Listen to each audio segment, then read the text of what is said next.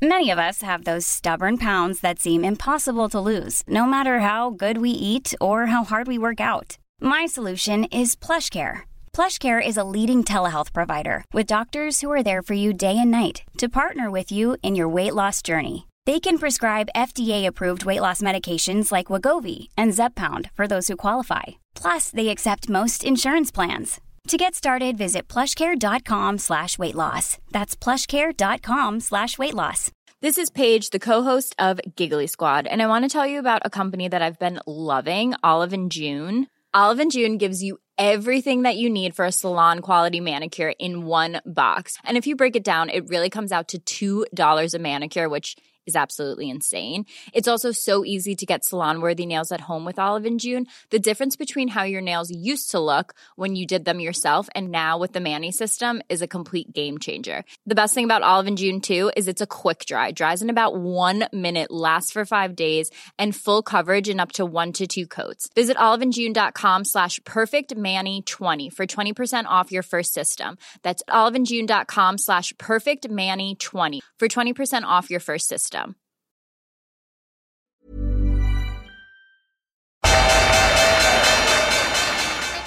They mistook leverage for genius. Leverage for genius. I would recommend you Japan. The governments don't rule the world. Goldman Sachs rules the world. Velkommen til episode 134 av podkasten 'Tid er penger', en podkast med Peter Warren. Jeg heter Sverre og er produsent. Trykker på start- og stopp-knappen, av og til deltar litt i diskusjon. Eh, I dag skal vi snakke om flere temaer, så vi vil berøre Spesielt basere oss på et interessant sitat som eh, ble uttalt nå av en normalt veldig optimist. Så kan du ta utgangspunkt i det. Ellers skal vi snakke litt om, om en rekke en rekke tema som berører markedet. Peter skal gå litt i dybden i fondsbransjen. Det er veldig interessant. eh, liten eh, masterclass i det.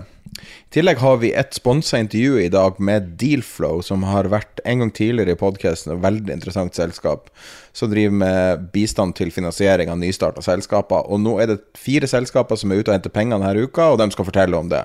Det er veldig interessant, og jeg vedder på mange er interessert i å høre hva, hva de har å fortelle.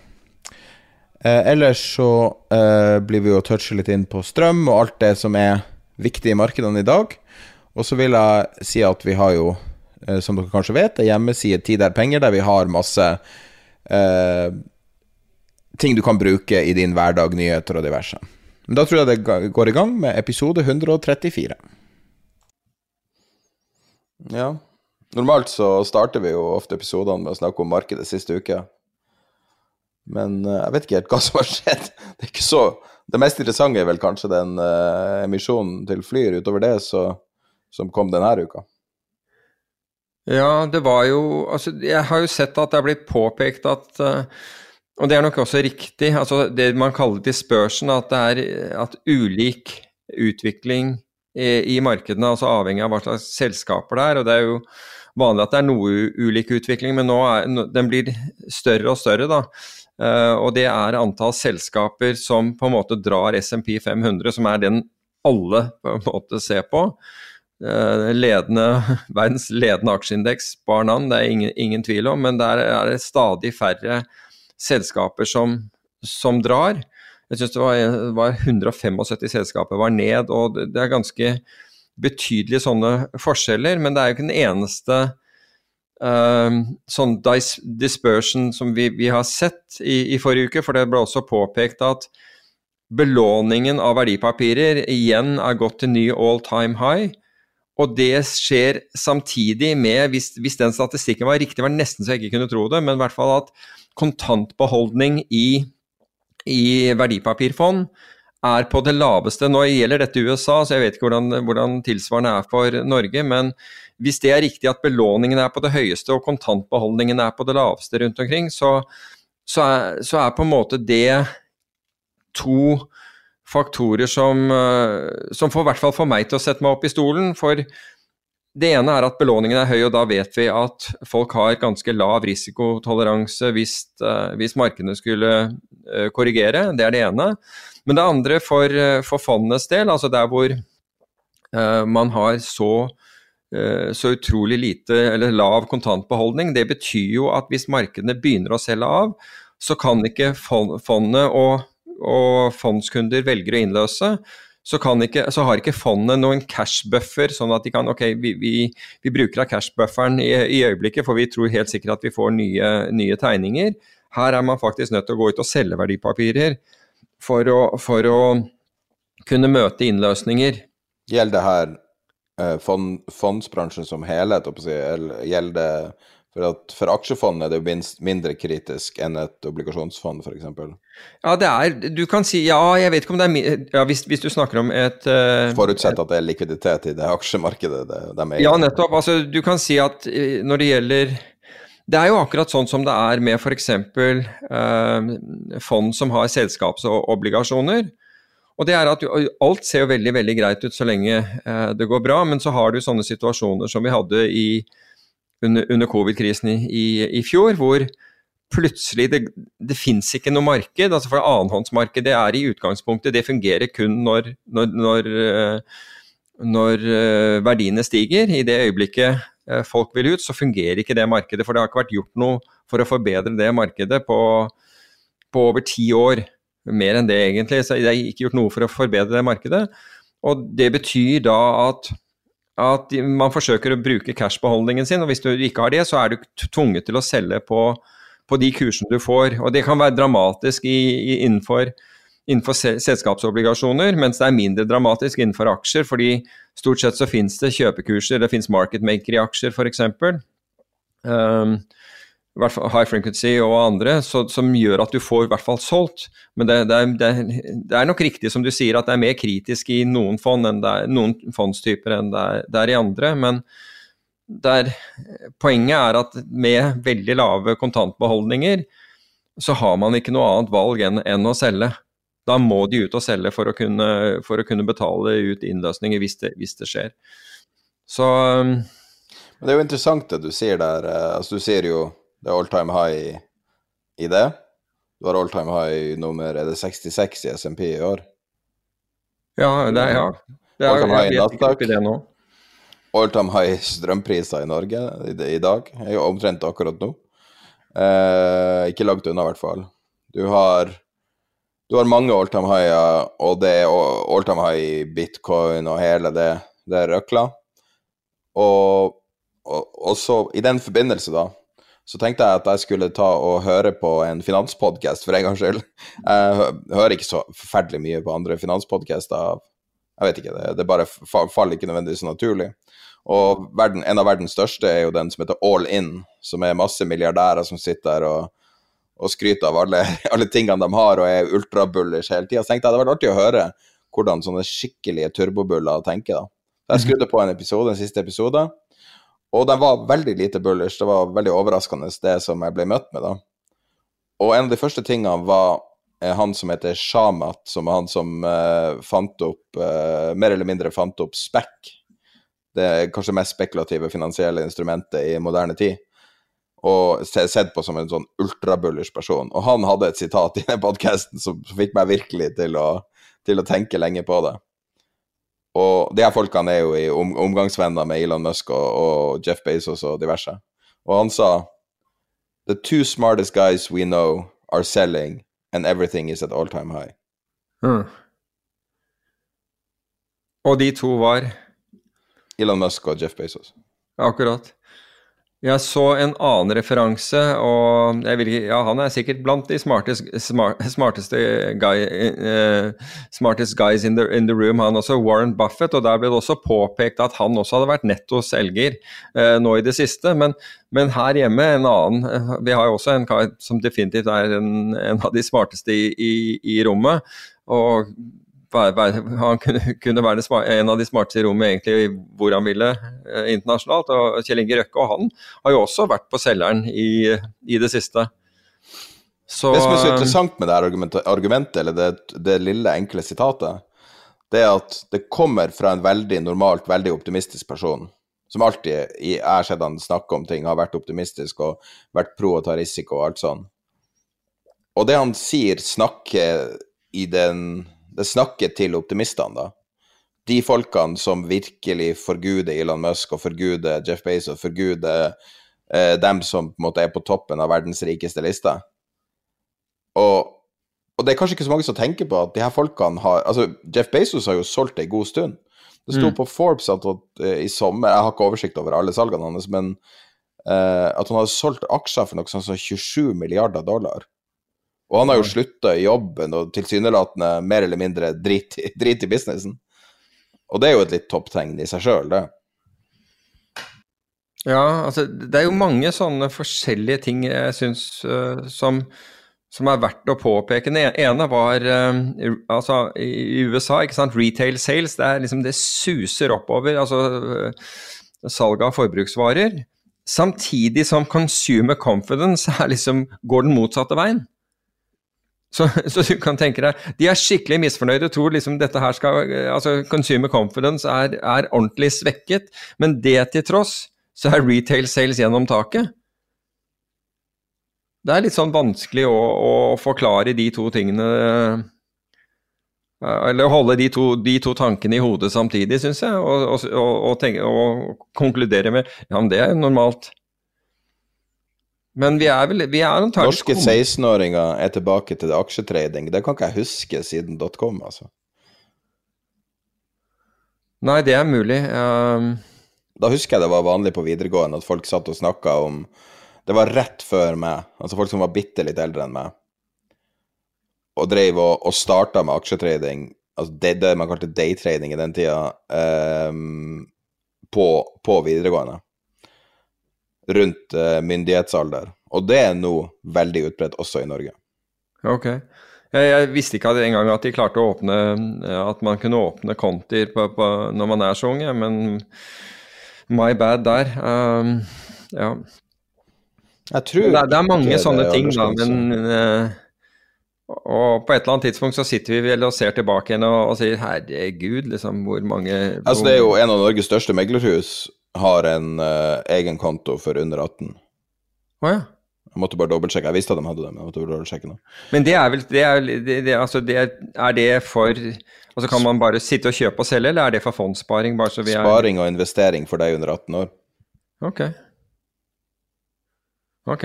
Ja, nei, det er mulig. det. Investere i aksjer og fond, står det. Man, uh, eneste måten å lære noe er å prøve det, så det er jo- Selvfølgelig. Og det er jo eh, Altså, det er vel kanskje bedre å investere med konfirmasjonspengene enn å kjøpe seg en, jeg vet ikke, en uh, gokart eller noe sånt. Ja, jeg, jeg, jeg vet ikke. Det er liksom det dummeste jeg har hørt nå. Gokart konfirmasjon, med konfirmasjonspenger. Det er kanskje det teiteste jeg har hørt noen kjøpe. Det blir i hvert fall god. Er det noen Formel 1-fører som har kommet opp som ikke startet i Formel 1? Mm. Ja, da, Nei, men du starter ikke når du er 14 år, da. Du starter Nei, det er, når du er er tre år. Hva sier er du? de starter når de er tre år. Ja, det er jo riktig. De starter veldig tidlig, det er sant. Og så må du jo også være milliardær i tillegg, da.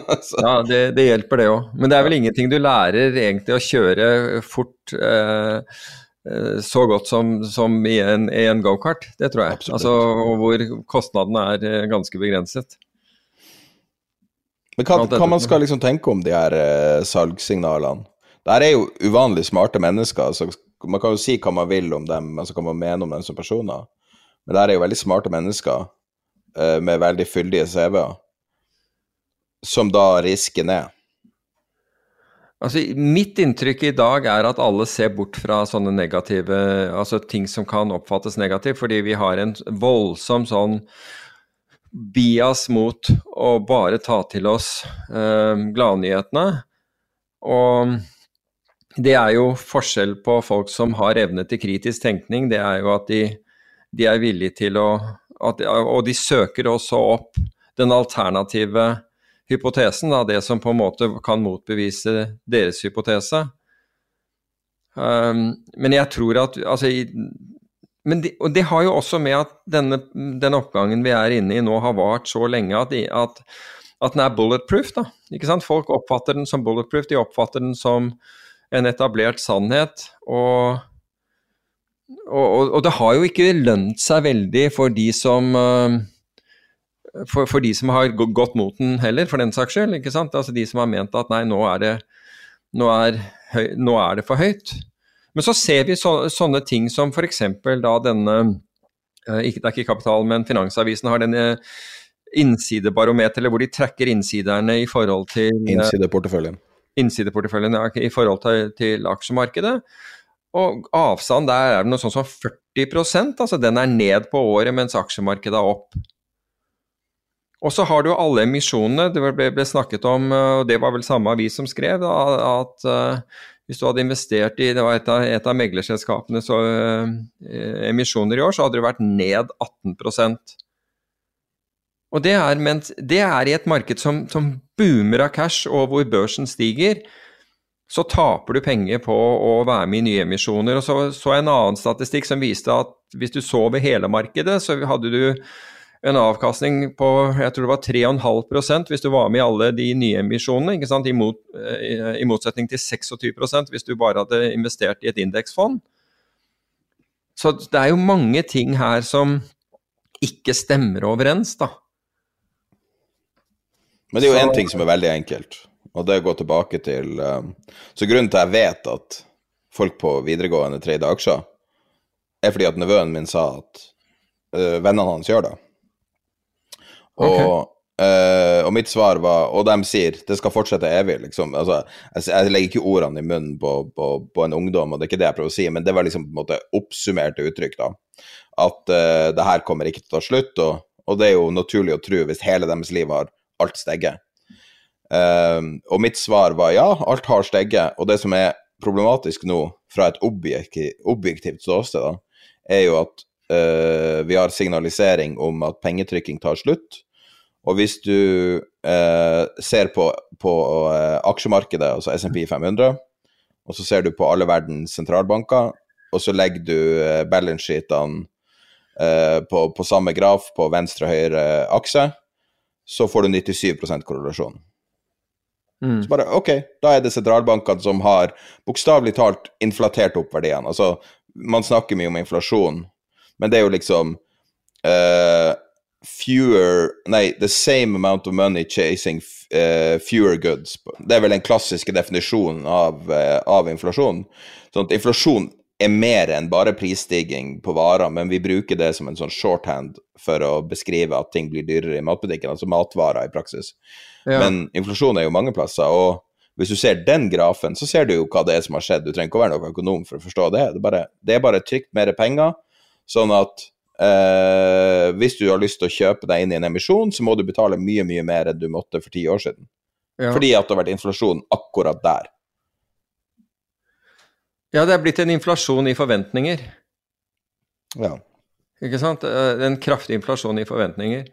Men uh, apropos, uh, sist jeg var og, og hev et sånn elektrisk uh, apparat, var på Hva er det het for noe? Elkjøp, hvor de har sånn der mottak hvor du kan hive det, så var det en som, eh, så, som hev hva som i hvert fall for meg så ut som en, en helt uh, fin Nespresso-maskin. Som heiv den oppi, og så, og så, så, spurte jeg har du slutta å drikke kaffe. Bare sånn, sånn spøkefull kommentar. Og så sa han nei, har du sett hvor dyrt det er blitt? Um, og så gikk jeg for ordens så gikk jeg da hjem for, altså Jeg vet jo at råvareprisen har steget, men kaffeprisen er på ti års high. Hadde jeg ikke helt fått med meg. Ja, for jeg kjøpte en espresso faktisk i forgårs. Jeg bestilte det. Så jeg er veldig mm. oppdatert på Nespresso-priser. Hva du husker Nespresso-priser har vært per kapsel? Jeg husker jeg, jeg, ah, jeg, jeg mener jo at Uh, håper jeg ikke jeg sier noe helt dumt nå, men jeg, drikker uh, Hva er den heter? Den er svart, den der kapselen. Ristretto. Ja, en vanlig, altså en vanlig den, den, den klassiske. Ja, den svart, altså den, jeg tror den heter Ristretto. Den er, den er, den er regnet som ganske sterk i, i smaken. Ja, og det, det, er vanlig kaffe, så jeg vet nøyaktig hva det koster nå. Ja, og jeg, jeg mener den koster jeg, Tar jeg helt feil hvis jeg sier noe sånn som 3 kroner og 20 øre kapselen eller noe? 4,16. Da tok jeg helt feil. Altså Prosenten nå, der er jo skremmende. Nå gjør det det. Wow. For i mitt hode så husker jeg at Nespresso kosta 2 kroner kapselen. Ja, det, det, det, husker jeg også. Jeg, og det koster 4,16 nå. Å, fytti rakkeren. Der har du inflasjon. Ja, der har du inflasjon. Nestle er vel kanskje det mest forhatte firmaet på hele, hele verden nå, altså på grunn av det de har gjort i vannmarkedet og sånn. Eh, så at de da gikk opp prisene når det går an å kjøpe, ja, det kan godt være, altså. Men, men om prisene blir hevet blir heva fordi at de er usympatisk firma, eller om prisene blir heva fordi at det er Nei, men Kaffeprisene går jo, altså, har jo gått kraftig, og det har jo mange av disse altså, matvare... Altså råvarene til, til, til matvarer, det har jo gått kraftig. Så det var jo noen eh, var det var du som sa et eller annet om matvareprisene, men eh, ville stige 10% og det var bare som Ja, det var som følge av, av fraktprisene alene, og da har vi Ja, tatt det var FN som sa det i dag.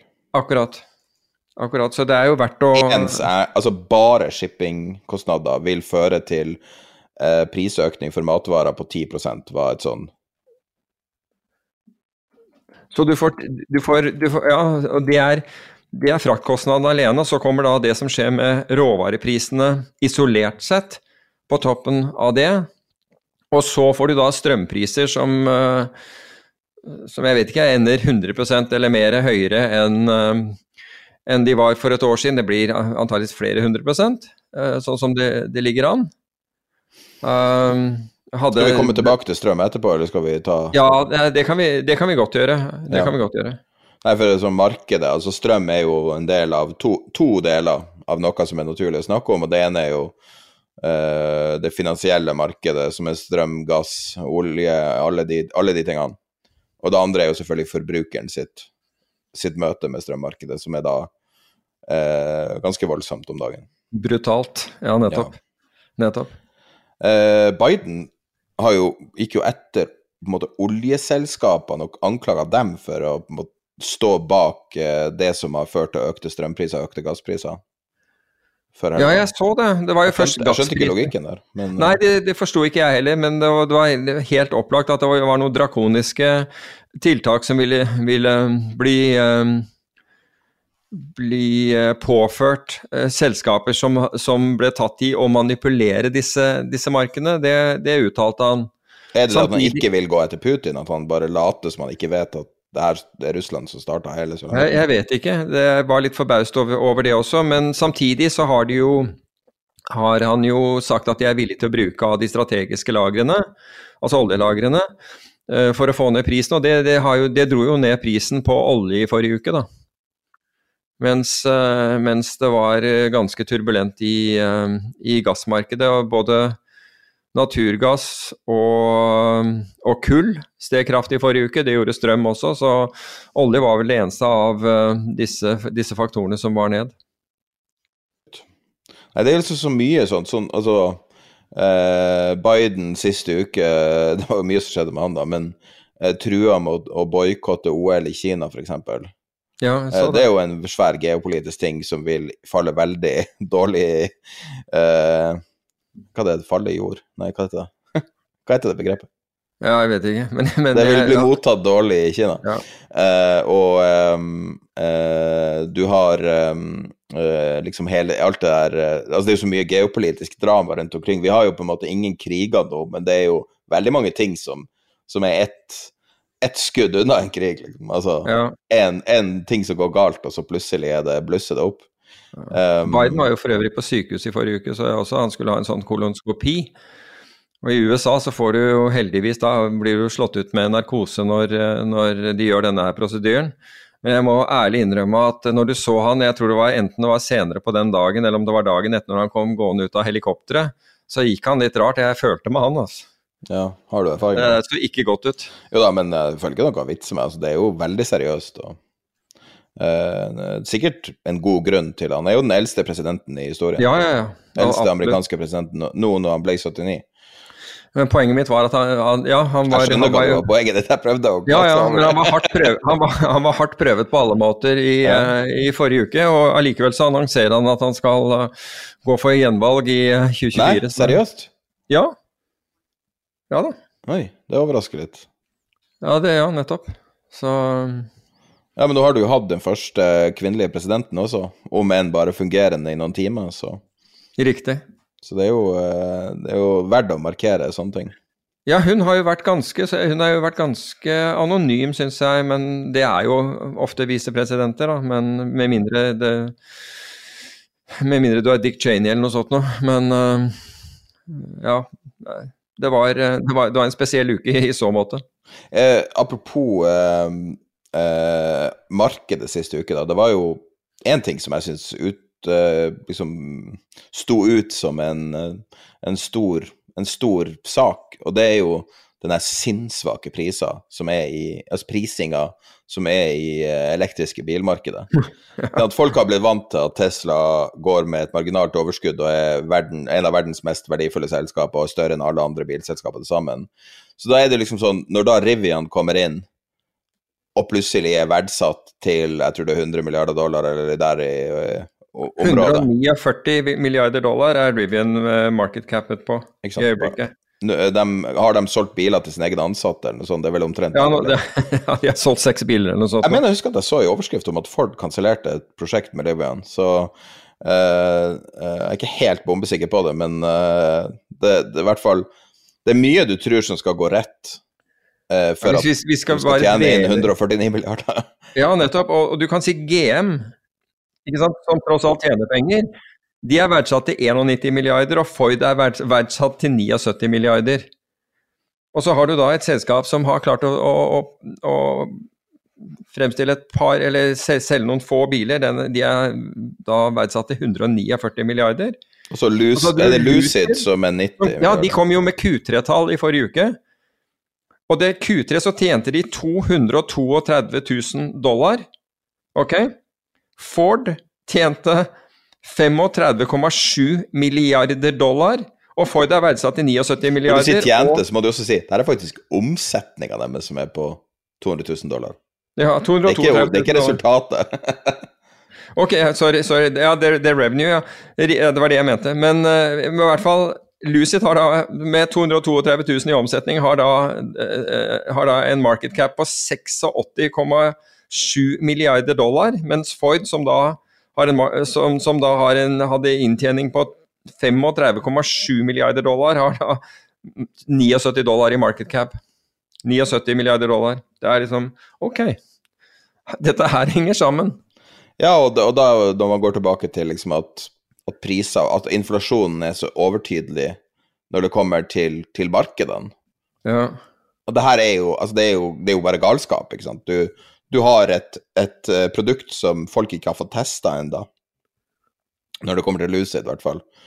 Der det, vet, man, man, vet at de har biler som ruller, men det er omtrent der. Og så har man kanskje Nicola friskt i minne, som er mer eller mindre en, en organisert svindel. Mm. Og de er jo i jeg, tror han, jeg vet ikke om han er dømt, eller han kommer noe trolig til å bli dømt for svindel, han sjefen. Og, der, og det, her, eh, det her markedet her er livsfarlig å være investor i, av at at det er så eh, det er så lett å hente penger, det er så lett å få høye priser.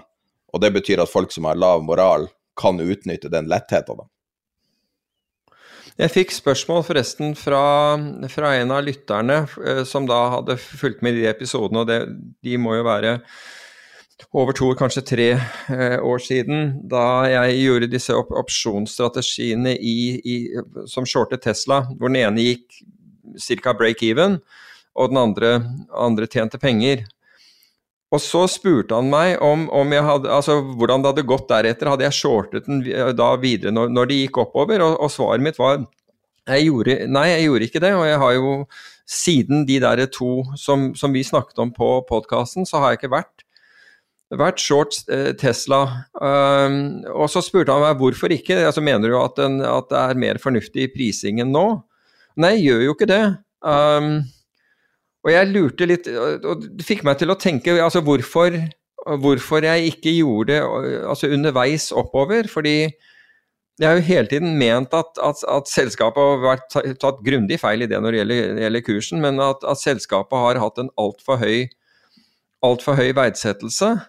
Men det er nok noe med det der å ha sett dette her, det, altså det, lignende ting, ikke så, ikke så ekstreme ting, men ha sett ekstreme ting på på børs over et, et mange, mange, mange tiår, da, hvor du lærer deg av og til at ok, dette her er sinnssykt, men her er det bedre å stå på sidelinjen enn, enn å delta. Det er for risikabelt å, å delta.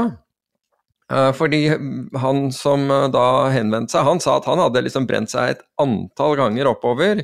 Og han hadde ment at, uh, at nå var, var, det, var, det, toppen, og han lurte på liksom hvilken hvilken indikator brukte jeg, eller hvordan så jeg på, på det der? Og jeg har, jeg har, egentlig ikke noen indikator annet enn at når, når ting går så ballistisk, og du får en, en sånn situasjon som du gjorde i bl.a. i GameStop og, og, AMC, hvor jeg ikke deltok i det hele tatt, bare så det er sagt, så tenker du at her, altså det er bedre å stå på sidelinjen. Altså det, er, det er for mye, det er for mange ukjente faktorer. Og så syns jeg da var det Paul Singer, som uh, hedgefondforvalteren, som sa når det gjaldt uh, når det gjaldt Tesla, når han ble spurt om han shortet den, som, som svarte at nei, jeg shorter ikke en religion. Altså, at dette er noe helt annet. Altså, du, når en sånn religiøs bevegelse hiver seg på noe, så, så er det ikke noe fornuftig. Altså religiøs i anførselstegn. Altså, han har liksom fanskaren sin, og, og den bryr seg ikke. Det, så det er jo litt av, av, det samme. Ikke det at du ikke kan gå på, på, på smelle på andre ting, men men det fikk meg til å tenke og lure på altså, ja, hvorfor gjorde jeg ikke det når jeg mente at det var at det var overpriset på 300, så skulle du i hvert fall mene at den var overpriset på 500, 600, altså pick a number, frem til 1200 og et eller annet. Men um, Pluss at du da ser hvor mange som Altså det er mange som er på denne traden. Et, etter hvert ved at folk her i landet, og vi har og vi har hatt uh, uh, smarte hedgefondforvaltere i utlandet som har, vært, uh, som har gått short, og alle har jo liksom brent seg på det, og du tenker at ok, det er bedre å stå på sidelinjen. Jeg vet ikke hvorfor, men jeg, håper at det er noe sånn som erfaring som gjør at man ikke da stiller seg foran, foran lyntoget. Det er liksom det er litt dårlige odds. Jeg kan jo minne deg på litt detaljer rundt hvordan det der kom fram. Um, det var jo bare sånn da, da, det, Når du i første omgang lagde en teoretisk trade som etter hvert ble en reell trade, mm. det, var jo det, det var jo før det virkelige toget der å shorte Tesla var eh, på en måte noe som veldig mange snakka om. Ja. Um, og så ble jo det på en måte en del av diskursen omtrent fra da, sånn internasjonalt. Um, og så er det jo viktig at på bunnen der så i ettertid fikk man jo vite at de var to uker unna konkurs. Og mm. det bekrefter jo at tesen var korrekt, det jo, og, og, det er jo det som er viktig. Det som er viktig, er jo ikke det at du klarer å gjette riktig. Å, ah, jippi, jeg, jeg, kjøpte Dogecoin, og det ble en uh, scam som gikk til, til masse, masse, mer enn jeg kjøpte det for, og jippi, jeg er så smart. Det er jo ikke det det handler om. Det er jo prosessen det handler om du, skal, du, håper jo ikke å leve til du blir 25, og så, og så, skal du være så rik som mulig. Du håper jo å leve i 100 år, og så klarer du å ha en prosess som gjør at du konsekvent klarer å holde deg formuende gjennom uansett hvordan situasjoner man er i og markeder man er i. Og den prosessen du fulgte, som var tesen var uh, det her kan være en om ikke en scam, så kan det være noe alvorlig galt med selskapet. Hele juridiske teamet slutta samtidig, alle regnskapsførerne slutta, som er et så typisk tegn på at noe er galt. Og det var mange sånne faktorer som var med. Og i ettertid fikk vi da vite at de var bare helt på, på kanten av stupet. Som er sånn det har blitt beskrevet fra selskapet sjøl. Og det er jo mm. det som er interessant med takeawayen fra historien, er jo at du hadde rett i teorien. Altså, te tesen var riktig og utfallet slo annen vei, men det var jo nesten en tilfeldighet at det gjorde det. Ja, altså Den ene var jo veldig bra, for den, den, da, da, falt jo, da, falt jo, Tesla fra 300 til, til, til 200. Den falt lenger enn det, men, men, så langt eh, var jeg med. Men, eh, men deretter så Det fristet meg egentlig aldri. Jeg har sett på den et par ganger senere, men jeg har heller ikke funnet noe som er som har i hvert fall vært skrikende bra risk reward-messig å, eh, å, å, gjøre. Men det, det, fikk meg i hvert fall til å tenke når, eh, når vedkommende spurte meg, liksom, for de lurte fælt på liksom, hvordan om jeg hadde, om jeg hadde gjentatt uh, gjentatt posisjoneringen på vei oppover. Og, hvis, og når vi hørte at jeg ikke gjorde det, lurte på hvilken indikator jeg brukte for det. Og, og jeg måtte jo da som sant sies at det var ikke noen indikator, det var egentlig bare det var rett og slett kursutviklingen som, som skremte meg fra å, å, ta den andre siden av den. Altså. Og, og, det er jeg jo for så vidt glad for. Men uh, om, om, om, det dukker opp en ny mulighet hvor jeg liksom mener det, at, at, nå er tiden inne for å gjøre det ene eller det andre, men det kan jo godt hende. Så det er ikke sånn at jeg har Jeg er ganske agnostisk til, uh, til, til om det dukker opp nye muligheter, bare så det er sagt. Men du kan jo gå tilbake til uh, sitatet vi starta med. alt er på all time high, og de smarteste folkene ser. I anførselstegn smarteste. Ja. eh, jeg syns for øvrig, apropos der, at eh, da Musk ble utfordret, for det var vel snakk om at han solgte aksjer for 6 milliarder dollar, og så var det noen som utfordret han eh, og, og sa Det var noen som eh, tydeligvis ikke likte at han gjorde det, eller hva som helst, og at han heller burde gi disse Han burde heller eh, kurere eller stanse sulten i verden. Eh, det ville vært mye bedre hvis han brukte pengene til det.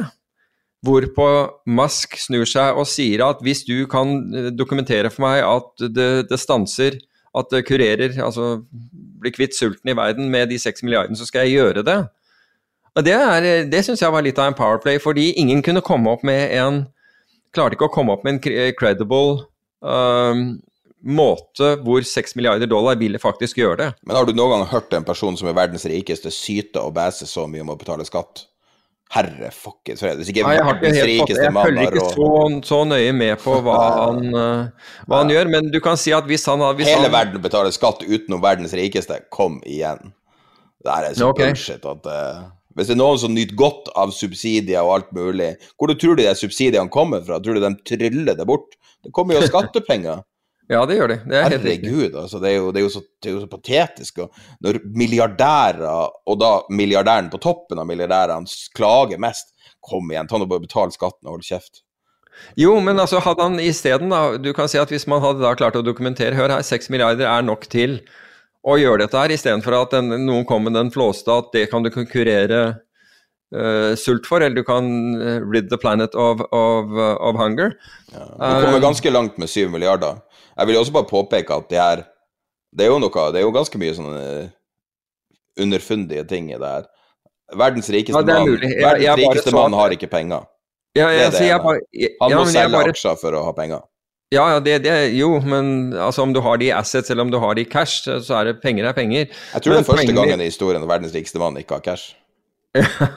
Noe cash har han vel, men, men poenget mitt er at han var villig til å Altså, han, han tok fyren på ordet og sa dokumenter det for meg, Ja. så skal jeg gjøre det. Jeg syns det var på en måte eh, Ok, Men du vet hvorfor han må betale skatt nå? hva sier du? Du vet hvorfor han må betale skatt? Ja, hadde ikke det med, med disse opsjonene han må innløse å gjøre? Den mest den største gaven en person har fått i verdenshistorien, 50 milliarder dollar i en opsjonspakke som var eh, tufta på at aksjekursen skulle stige så høyt som mulig. Mm. Og så gikk han ut som en aksjepromotør og promoterte aksjen som, som om his life depended on it, for at han skulle få alle de 50 milliardene. Og, mo, og, og ingen trodde det skulle gå, og gikk over enhver eh, enhver, eh, forventning. Og nå er der, får 50 milliarder i gave og hyler og skriker over at han må betale skatt på det. Jeg syns, bare det er veldig sånn uelegant når USA står Altså noe sånt som 80, milliard, 80 millioner amerikanere vet ikke hvordan Altså, jeg har matusikkerhet. Mm. Altså, det er, jo, det er jo det store problemet i verden nå, er jo den, det, det skeive forholdet mellom rik og fattig. Det er vi enige om. Det er vi helt enige om. Um, Sorry. Litt ska, skatt er jo normalt vi, noe vi ikke ønsker å snakke om. Politikk er ulovlig her i podkasten. ja, så. nettopp. Eh, vi kan kanskje gå videre til uh, Eller før vi går videre, så har jeg lyst til å snakke om noen emisjoner. Vi har, uh, vi har en, et sponsa intervju, som er et ganske kort intervju fra um, Dealflow, som vi tidligere har hatt med i podkasten og fått veldig god tilbakemelding på. Så dealflow.no er en kalle det en slags pseudobørs, eller en børs for børsen, så som selskaper kan eh, gå inn Altså kan uh, hente penger gjennom for å finansiere seg i tidlig fase. Så du kan si at de ligger et sted rundt venturefasen, og de må da Blant annet så innebærer det at de må overtale Dealflow om å få lov å uh, selge aksjer på, på sida. Og jeg har vært, veldig imponert over hva de har presentert eh, i et tidligere sponsa intervju. Og pga. det tidligere sponsa intervjuet så, tenkte, så ville de komme tilbake og fortelle om fire emisjoner som eh, de eh, er i ferd nå med å hente penger denne uka og i starten av neste uke. Så her er en eh, ca. ti minutters samtale jeg hadde med eh, sjefen i Dealflow. Uh, har du lyst til å presentere de forskjellige selskapene, eller hvordan vil du Ja, altså jeg tenkte jo jeg kunne bare si litt eh, kanskje litt generelt om de, og kanskje litt om hver av de òg. Men altså, her er det jo, eh, som jeg nevnte, da, de, de fire ulike og mange ulike kategorier. Verdsettelsen her er jo spenn fra 20 millioner til 300 millioner, og det er kanskje mellom 10-20 av hver av de som er til salgs. Eh, og de skal hente alt fra 2 til 30 millioner. Eh, og Horde, det var jo den du, du nettopp så, den har allerede henta over 20 millioner kroner. Og Citybox har henta over 15. Eh, og Det er jo ikke hver dag man får muligheten til å være med i en hotellkjede, da, så jeg syns den er ganske spennende og interessant. Samtidig som vi ser jo at Fintech har gjort det veldig bra på plattformen tidligere, og Norge er jo langt framme på Fintech, så både Horde og Astat er jo utrolig relevante selskaper. Ja. Så nå er det noen dager. Den som er kortest tid på eh, fra publiseringsdatoen, er jo Mm. Citybox. Eh, Ja. Hva er liksom pitchen? Altså, jeg, jeg ser jo hva dem, men hva er pitchen fra ditt perspektiv da, på Citybox? Ja, altså de vil jo Det er lavpris. Eh, at de skal levere det du trenger et sted, men at de ikke skal ha fordyrende tjenester, som da frokost f.eks. At de skal ha billig hotellovernatting på sentrale steder i aktuelle byer, og rimelig hotell. Og de har jo allerede vokst ganske mye. De er internasjonalt allerede og har seks hoteller i dag, og vil skalere ganske godt opp eh, fra det. Så i motsetning til andre som kanskje har eh, lagt litt lokk på satsingene under pandemien, så går jo de her ut og gasser på, da. Så det Ja, det er jo et fantastisk tidspunkt å satse enten på reise eller uh, ankomst. Nei, så det, De er i gang med mange spennende kontrakter allerede, så det er virkelig et, eh, et interessant case. Det er det. Hvordan, eh, hvem er det som har kommet fram til verdsettelsen? Er det dere som til syvende og sist godkjenner det, eller er det selskapet sjøl? Nei, det er vi som til syvende og sist godkjenner. Så, så Citybox hadde jo selvfølgelig en sterk tanke sjøl om hva de var verdsatt til, og så blir vi enige om et tall som vi også som tilrettelegger kan stå for der på plattformen. Ja. Så det er vi, Og- inne, vi er i diskusjoner eh, med verdsettelsen på, hos alle, da. Er det her essensielt for dem for å kunne drifte videre, eller er det for å kunne vokse? Nei, de har egentlig sterke eiere inne allerede, og eh, største eier der, eh, Martin Smith-Sivertsen, har gått inn med betydelig beløp i denne emisjonen også, så de deltar på samme verdsettelse og er klar for å gasse på videre. Men det er helt uavhengig hotell, det er ikke med i en kjede eller noe? Eller Nei. det her er en kjede? Ja, de er sin egen hotellkjede, Veldig kult. som de har satt opp sjøl. ganske, Nei, det, altså, som mulighet er det jo åpenbart eh, interessant eh, med timinga og alt som er. Ja, jeg syns den er veldig kul. Og vi har jo aldri gjort hotell før, så det er jo kjempespennende for oss å få lov til å jobbe med et hotell. Eh, teknologiplattformer har vi en god del mer erfaring med, og Horde er jo ute nå med sin tredje runde. De har jo gjort to veldig vellykka runder tidligere og har en veldig tydelig strategi om å ha aksjonærene sine med, eller eiere, eh, brukerne med som eiere i selskapet. Så han har jo over 900 aksjonærer i dag. Skal vi snakke litt om Horde, da? Kan jeg åpne opp her? Ja. Det er jo jo Så det er egentlig ukes tid fra, fra publiseringsdatoen til det er ferdig. Ja. Verdsatt til 199 millioner, skal Ja. hente inn til 30. Ja, han har jo kommet, eh, kommet seg et lite stykke. Han var jo eh, Norges raskest voksende fintech på et tidspunkt, og det er vel 170 000 brukere han har. Eh, og nå har de Altså, de selger jo selvfølgelig bedre sjøl enn det jeg gjør, så sjekk ut kampanjen, men, men det er forbrukslån på forbrukernes vilkår. Så han vil ta tilbake makta, da. Derfor er navnet en horde av, av folk som kan ta tilbake makta fra bankene som har tjent veldig veldig godt på forbruksfinansiering. Der er det en, en dissonans. Det er, mye, det er mye ting folk ikke vet om som ikke går an å snakke om i denne bransjen, men det er så mye dirt i forbrukslån. Den dagen noen skriver en brok om denne bransjen, så kommer det til å komme mye ut. Og det er virkelig riktig timing å komme inn nå og, og gjøre det her ordentlig. Ja, så, så Alf Gunnar i Horde fikk jo på plass denne muligheten for å refinansiere gjennom Horde for en liten stund siden. Og han fikk jo eh, det var vel 100 millioner i forespørsel på refinansiering på ti dager. Så de har ganske, det var veldig stor etterspørsel etter den tjenesten nå. Nå vet jeg ikke nøyaktig hvilke tall han er oppi, men det har gått Nå begynner han å tjene penger, da. Det har vært litt uklart hva forretningsmodellen eh, skulle være, men nå har de landa den og gasser virkelig på. Og de skal ut til flere land ganske snart.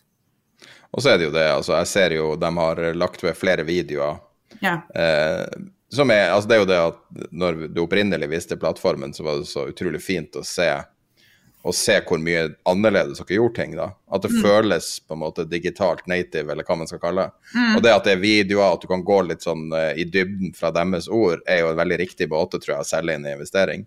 Ja, Og så ja, eh, og så med hov- overskrifta 'forbrukslån er litt mindre dritt med Horde'.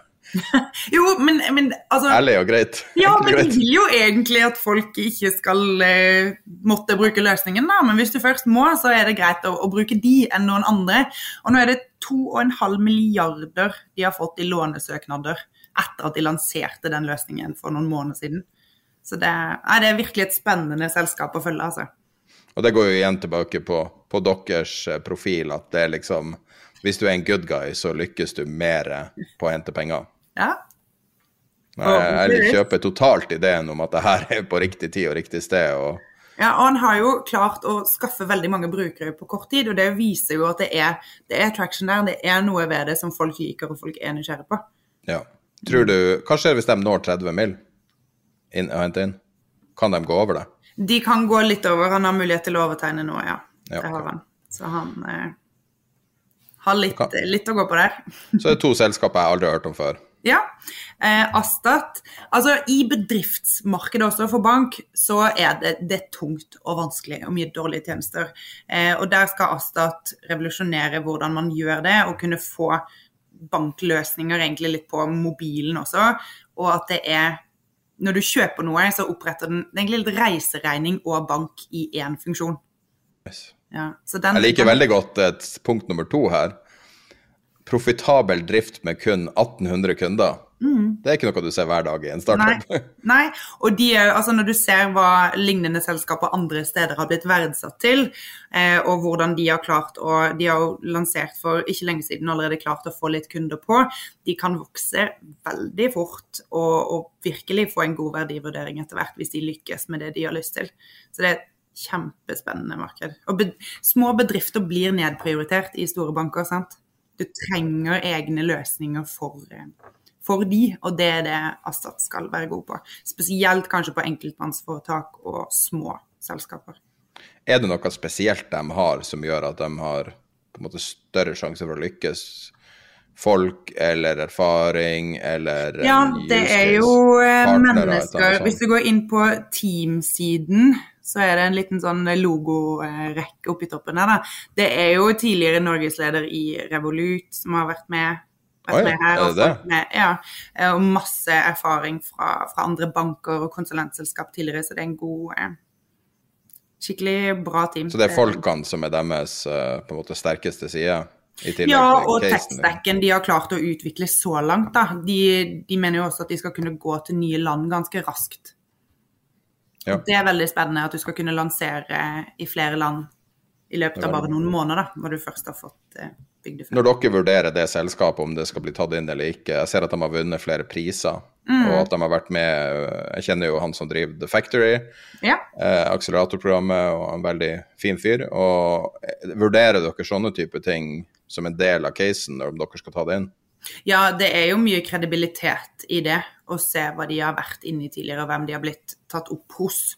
Så det er vi absolutt, eh, absolutt inne og se på. Og hvem de har med seg. Ja.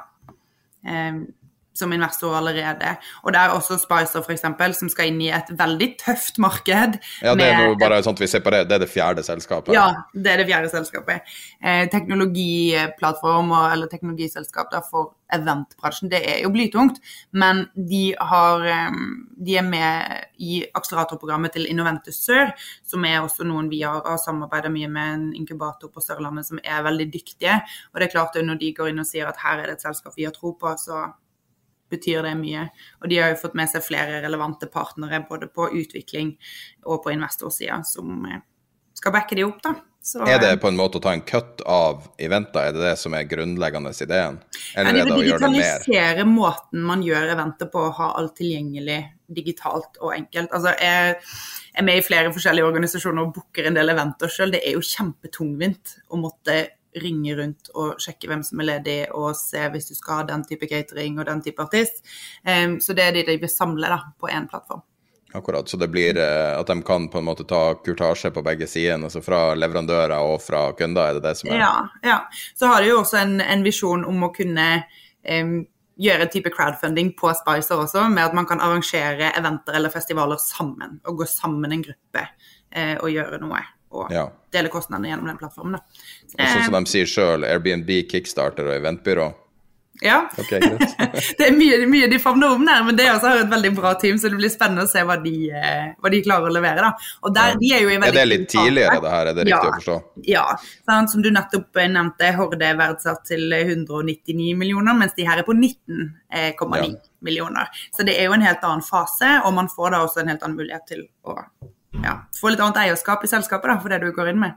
Absolutt. Mm. Dette er jo et uh, marked med utrolig mye penger i omløp. Ja, Så hvis de klarer å kile seg inn et eller annet sted der, så er det Det er jo litt sånn um, en ting som sånn rent sånn personlig ref, refleksjon har gjort. eh, Jeg, jeg liker bransjer der folk må bruke penger, ikke der de kan bruke penger. Hvis du må, så er det sånn du blir tvunget en eller annen grunn. Å holde events er jo noe de fleste selskaper må gjøre. I hvert fall når korona er helt over. ja Så um, altså det er eh, interessant. eh, interessant Ja. hva, hva dere gjør på en vurdering på et sånt her selskap som er såpass tidlig, da, hvis du sammenligner med de andre du har? Hva er det du legger vekt på? Altså, En ting er på en måte det formelle, det juridiske og det økonomiske. Vi går inn og ser at de har alt på stell. Vi ser hvilke typer kontrakter de har, hvem de har i, eh, i styret sitt, og hvordan ting er organisert. Og så ser vi på økonomien i det, hvor langt de har kommet så langt. Eh, men, men der også, og kanskje i Spicer spesielt, så går det litt med ok, hvilke investorer dere har fått med dere så langt. Hvem, um, hvem er det som backer dere, og klarer dere å hente noe kapital sjøl? Det er veldig viktig. Det det, ja? Og det har de gjort. Ja, det har de gjort. Så det er at det er mm, eh, både utviklere og andre bak som, som går inn og sier OK, vi, vi tar eh, og går inn med sweat for equity, for vi har så troen på dette her. Vi kan utvikle mot å få litt aksjer i selskapet, for vi tror virkelig at de kommer til å lykkes. Det er absolutt viktige elementer inni dette her. Men deres eh, business er abonnement primært, eller er det flere? Ja, det er cut av eventer og ting du booker gjennom den plattformen. Ok. Mm. Ja, så det er månedsabonnementet for leverandører? Ja. Ja. så Nei, så de har mange ting å avklare i å drive business, da, med andre ord. Ja. Eh, og det vil jo være helt naturlig i den fasen. Mm. Komme inn tidlig er jo det som er sjarmen med deres plattform, ikke sant. Ja, absolutt. Og, og tidlig kan jo defineres. altså Selskapsverdi på 20 millioner er jo kjempetidlig, men hvis du sammenligner med mye annet også, så er en selskapsverdi på 300 millioner kan også være tidlig. Så det er ja. Horde, basert på verdien, er jo på en måte en uh, virkelig en refleksjon over at plattformen deres fungerer. Altså dere klarer å flytte så store summer på internett på ei hjemmeside. Ja. Er ikke bare bare. Men jeg vil si at et, altså et eiendomsrelatert prosjekt gjennom uh, Citybox og hotell Mm. er nesten enda større, for det er jo noe som helt fint kunne gått til en bank, en meglerhus, og gjort, Mm. gjort en deal. Så imponerende. Ja, og bare for å ta noen sånne korte refleksjoner om exiten her. altså Det er jo ingen av disse som har noen konkrete exit-planer. Men Horde har jo Dette er jo den tredje runden til Horde, og de har vært på Dealflow sin markedsplass, og er det selskapet hvor det har vært mest transaksjoner på vår Ja, markedsplass i Så du kan komme deg ut. Ja, og vi har sett etter hver av emisjonene så har det har blitt omsatt aksjer. Det har liksom steget veldig godt da i eh, eh, ja, salgssum, holdt på å si, og i pris på aksjen etter emisjonen også. Så det har vært en veldig sånn jevn og positiv, god utvikling. Um, og så er det vel Citybox som er det selskapet som har den mest konkrete planen, i alle fall, med at de vil hente noen runder til, og så ser de på en børsnotering noen Ja. år frem. Supert. Veldig interessant. Og hvis man ser på eh, Stordalen i Tibber og Antiexa på relativt kort tid, så ser du jo litt av poenget med å gå inn i tidligfaseselskaper. Det er det du sikter etter. Ja. Så, Ja, og risikoen selvfølgelig kjempehøy, men det er jo gode avkastningsmuligheter hvis eh, man treffer riktig her. det var den samtalen jeg hadde med Stine Sofie Grindheim i Dealflow. Og hvis du vil lese mer om de emisjonene, så kan du gå inn på dealflow.no. Ja, da kan vi kanskje gå videre til fond. Du har en del eh, ting du har oppdaga som en del nyheter. siste Ja, uka.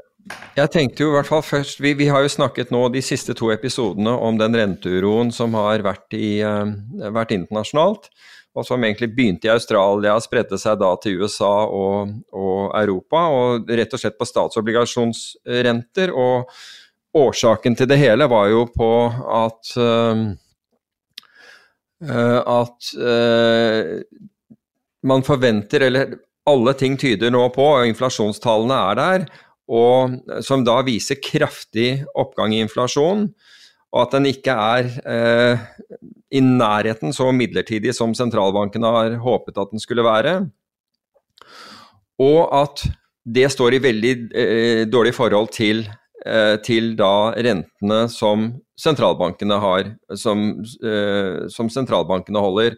Og så eh, smalt det først i Australia, da, hvor, hvor eh, den australske sentralbanken ikke ville støttekjøpe eh, sine korte obligasjoner. Og så spredte det da videre seg til USA og, og til Europa. Og bare sånn kjapt oppkapitulere. Eh, sjefen for den britiske sentralbanken, altså Bank of England, gikk ut og sa at de, at de måtte eh, ville gjøre tiltak. Det gjør at eh, korte obligasjoner der faller som en stein. Mange taper penger på det. Snur rundt posisjonene, fordi det betyr da at man vil eh, måtte bekjempe dette med å, med å, heve renten. Og så kommer man til rentemøtet, hever ikke renten, og så skjer det motsatte. altså Da er folk short disse obligasjonene, så det blir, blir store tap av det. Og Vi snakket da om, om mange fond i i, eh, rundt omkring i verden som har tatt mye penger på dette, men så viser det seg at også nordiske fond har gått på kraftige smeller uh, her. Og faktisk det ene fondet gikk på så, en så kraftig smell at, at, de har eh, lagt ned fondet. At de har stengt fondet. Og dette fondet heter Frost. Uh, det, er, det, er, et svensk fond. Og dette er et rentefond som har da ganske små bevegelser. Um, og jeg kan bl.a. nevne at, at de, altså det, det verste verste månedlige svingningen eh, som dette fondet har hatt, var på 2,3% og det var i mars i, i, eh, i 2020, eh, altså midt under covid-krisen. Da var de ned 2,3% De faller da i oktober 17,6 Holy shit. Og er ned nå Hva sier du? Ja? Det er helt 17,6% Altså du kan si det er 7,6 ganger Eh, så stort fall som de noen gang har hatt tidligere. Så du kan si at all forventning ikke sant? Altså Du ser på dette, ok, dette er et rentefond, jeg tror det skal bevege seg ganske, eh, ganske moderat. Og så plutselig så faller det 17,6% Så fra toppen av, altså fra toppen av så er de ned 21 og de hadde da en regel i dette, i dette fondet, altså i sitt uh, prospekt, som sa at de måtte stenge, stenge all risikotagning hvis de tapte 20 Det var liksom helt uhørt at det kunne skje. Og nå har de da måttet stenge ned hele fondet. Uh, og dette, dette var for øvrig et fond som hadde, uh, altså i tilsvarende norske kroner hadde 4,4 milliarder til, uh, til forvaltning. Så det er ikke all, altså du, du tenker rentefond, og det, dette er på en måte en risikoen som mange ikke ser.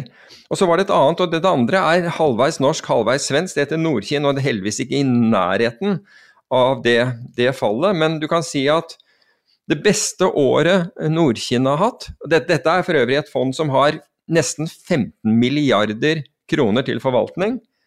Det beste året de har hatt, er, er, er på 6,4 Da tjente de 6,4% I oktober taper de 6,13% Så det er sånn helt års avkastning blir borte i én måned. Og det, det, forteller litt grann, altså det så De har jo mye valutatrading også, har de ikke det? I uh, Nordkinn tror jeg gjør noe valutatrading også. Eller norske kroner, i hvert fall. gjør de. Hva sier du? Jeg tror de gjør norske kroner, men uh, mulig jeg husker feil. Ja, altså de gjør sikkert de, altså de gjør nordiske valutaer, eller de gjør vel der hvor de, de tror men, at de har. Men du kan si at når du ser veldig veldig jevn avkastning, ekstremt jevn avkastning som du ofte ser i rentefond, så ser man ofte ikke den derre um, Den potensielle risikoen. Og, der, og, hvis du da brukte når Nordkinn har vært der i mange år, de har holdt på i veldig mange år. Dette Frost har vel holdt på i, i ca. to år. Og så Hvis du ser på utviklingen på det, så var det ingenting i den utviklingen som skulle tilsi at du kunne ha en Altså Hvis du bare så på tallene, tenker jeg nå på, uh, at du kunne ha et, en, en, månedsfall på nesten 18% eller for så vidt 6% i, uh, i uh, Nordkinn. Og det er det som ofte lurer investorer. Og nå sier jeg lurer fordi det er ikke det at fondet sier at det ikke finnes risiko i fondet, men de ser da på avkastningsgrafer og sier å ja, dette var jevnt og pent og dette er ikke noe problem. Altså tenk deg en Tenk deg f.eks. Uh, Uh, en bank som går konkurs, altså du får, altså hvis, uh, hvis den ikke var forsikret, da, sånn, som, sånn som norske banker er opptil to millioner, men hver eneste altså Det var den gangen hvor du, fikk, hvor du fikk rente når du hadde pengene dine på konto. Det gjør du ikke nå lenger, men, liksom, men la oss si du, du, fikk litt rente, og da stiger jo dette jevnt og jevnt og jevnt, og plutselig går du konkurs. ikke sant? Bang, så er, er, hele alt sammen borte. Og jeg håper at sånne Eh, situasjoner som vi har sett nå, det var for øvrig et annet uh, svensk fond, men det var innenfor aksjer, som jeg mener er ned nesten 60% i år. Um, hvor, hvor, investorene ser da på avkastningskurver og forsøker å danne seg en oppfatning av disse avkastningskurvene istedenfor å forsøke å forstå hva disse fondene gjør, og tenke hvor er det dette fondet kan være det vi kaller short volatilitet, hvor er det dette fondet kan virkelig tape mye penger. Hva, hva, slags, hva slags, markedssituasjon kan, kan, dette skje i? Og som Frost selv uttalte, altså dette fondet som da ble stengt, det var at altså Vi vet jo at dette tapet ble, eh, kom i oktober, men det var de siste dagene av måneden. Så det var bare noen få dager som da, hvor porteføljen faller såpass mye. Så jeg håper på en måte at investormassen lærer noe ved dette. Vi så jo en gang på et norsk fond som var da genierklært forvalter, og det, og det, var alltid positivt skrevet om og hadde bedre avkastning enn noe, men vi husker vi beregnet da den risikojusterte avkastningen på dette fondet, og fant ut at hvis du heller hadde kjøpt et indeksfond og belånt det tilsvarende, altså for, tilsvarende risiko som dette fondet hadde, så tjente du faktisk mer enn det denne, denne forvalteren gode, hadde gjort i den eh, gode tiden. Og ikke lenge etter, og det var ikke for, å, for at vi trodde at, at, dette fondet skulle falle i verdi, eh, det var egentlig bare for å måle det i forhold til rett og slett den risikoen du påtok deg.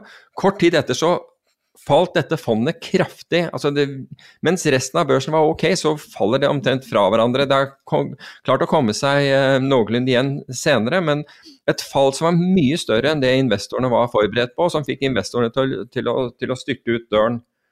Så ja, jeg har litt sånn derre sansen for jeg har ikke litt, jeg har mye sansen for altså det som Finanstilsynet altså De gjør det for lite, syns jeg, når det gjelder aksjefond med at du skal beskrive hva du, hva, hvor risikoen er og hva du, hva du driver med. fordi de, I aksjefond så er det ganske sånn carte blanche, altså, siden du ikke belåner og, og, den type ting, hva du kan gjøre.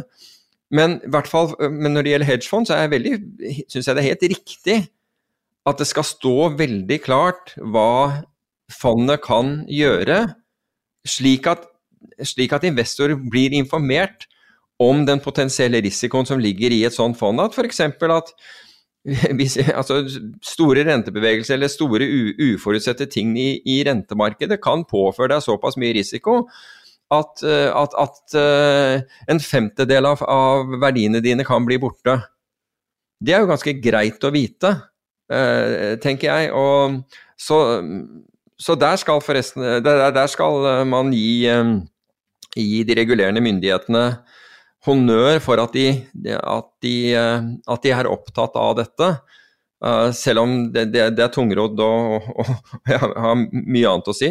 Men når man ser akkurat sånne hendelser Jeg har sett på disse fondene og egentlig lurt på når, hvilke markedssituasjoner er det disse fondene her kommer til, hvor du kommer til å se noe sånt noe uh, skje. Og nå vet vi at i dette tilfellet så gjorde man det, og jeg, jeg er helt enig. det er det er ganske sjelden at du ser en, eh, en sentralbanksjef altså Med mindre man skal Det dreier seg om, om at man har tenkt å de devaluere.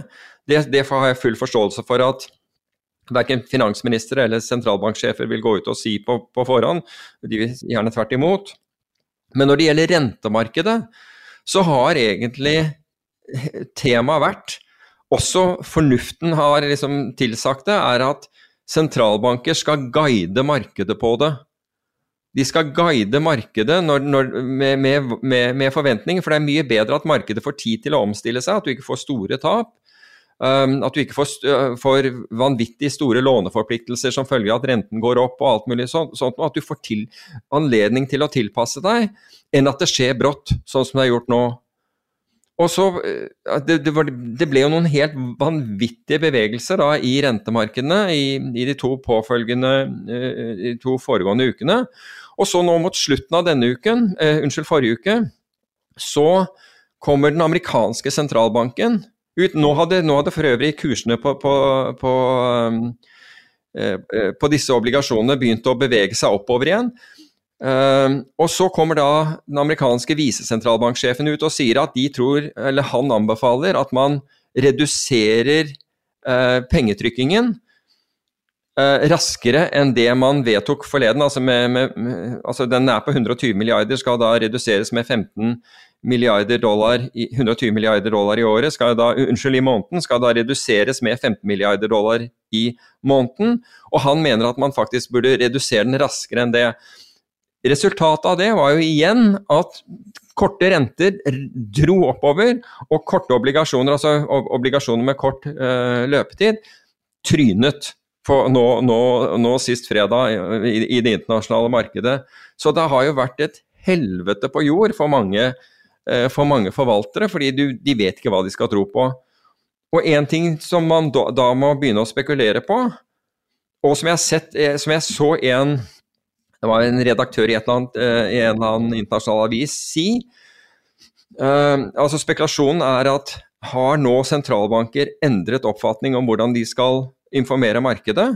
I tilfelle så er det en helt ny eh, virkelighet vi, vi, eh, vi står overfor. Og det andre, altså som denne redaktøren sa, er dette sentralbankenes eh, måte å øke, vold, altså øke volatiliteten, slik at folk skjønner at de må eh, kontrollere sin egen risiko. Og så er dette et varsel til markedet at nå må dere skjerpe dere. Um, begge deler kan være, kan være mulig. Tror du det her er en igjen stille samme spørsmål forrige uke. Canary in the coal mine. Ja, altså jeg tror det er en form for, eh, for kanarifugl i gruven. Ja, jeg, jeg, tror det. Jeg tror at ja, altså, jeg, altså sentralbanker er så opptatt av sitt eget språk og det de skriver og den type ting, at, at det at vi skal plutselig ha forlatt det, og at de nå um, reckless endangers, uh, endanger markedet med, med, med, litt sånn sleivete utspill, det, altså det, kan jeg bare ikke se skje. Altså jeg, jeg, det tror jeg er en veldig, altså det tror jeg er en, en, veldig svak hypotese. Og jeg tror den sterkere hypotesen er at sentralbanker nå At det er en plan. Og at man nå bør sette seg opp i stolen og lytte til dette og ta det litt inn over seg at ok, nå begynner det faktisk å skje noe her. Uh, slik at vi kan ikke Vi bør i hvert fall ikke ha så girede renteporteføljer som, uh, som vi har hatt en periode. Det er helt, uh, helt, klart. Altså når var det Element, det ene fondet, som da tapte 1 milliard dollar på, på, på denne bevegelsen. Så, Men det, er jo, det, er jo, prøveballong, er jo en, en gammel metode i sentralbankverden å sende ut litt sånne uoffisielle, offisielle utsagn via enten en, et intervju, medieopptreden eller ofte en, altså, eh, folk som sitter i, i styret i amerikanske sentralbanken, er jo ofte uh, å holde taler rundt omkring, og det er en måte de kommer ut med ny, ny politikk. Uh, ja. og, og, det å bruke prøveballonger for å sjekke uh, reaksjonen um, er jo vel, et velkjent og veldig bevisst grep fra sentralbanker, og av og til fra politikere og sånne ting, og at du får nyheter via offisielle kjeder. Så um, det at de da vil legge trykk på at de rett og slett må innrømme at inflasjon er et problem, ville mm. jo vært en, kanskje en naturlig grunn å, til å ha en prøveballong.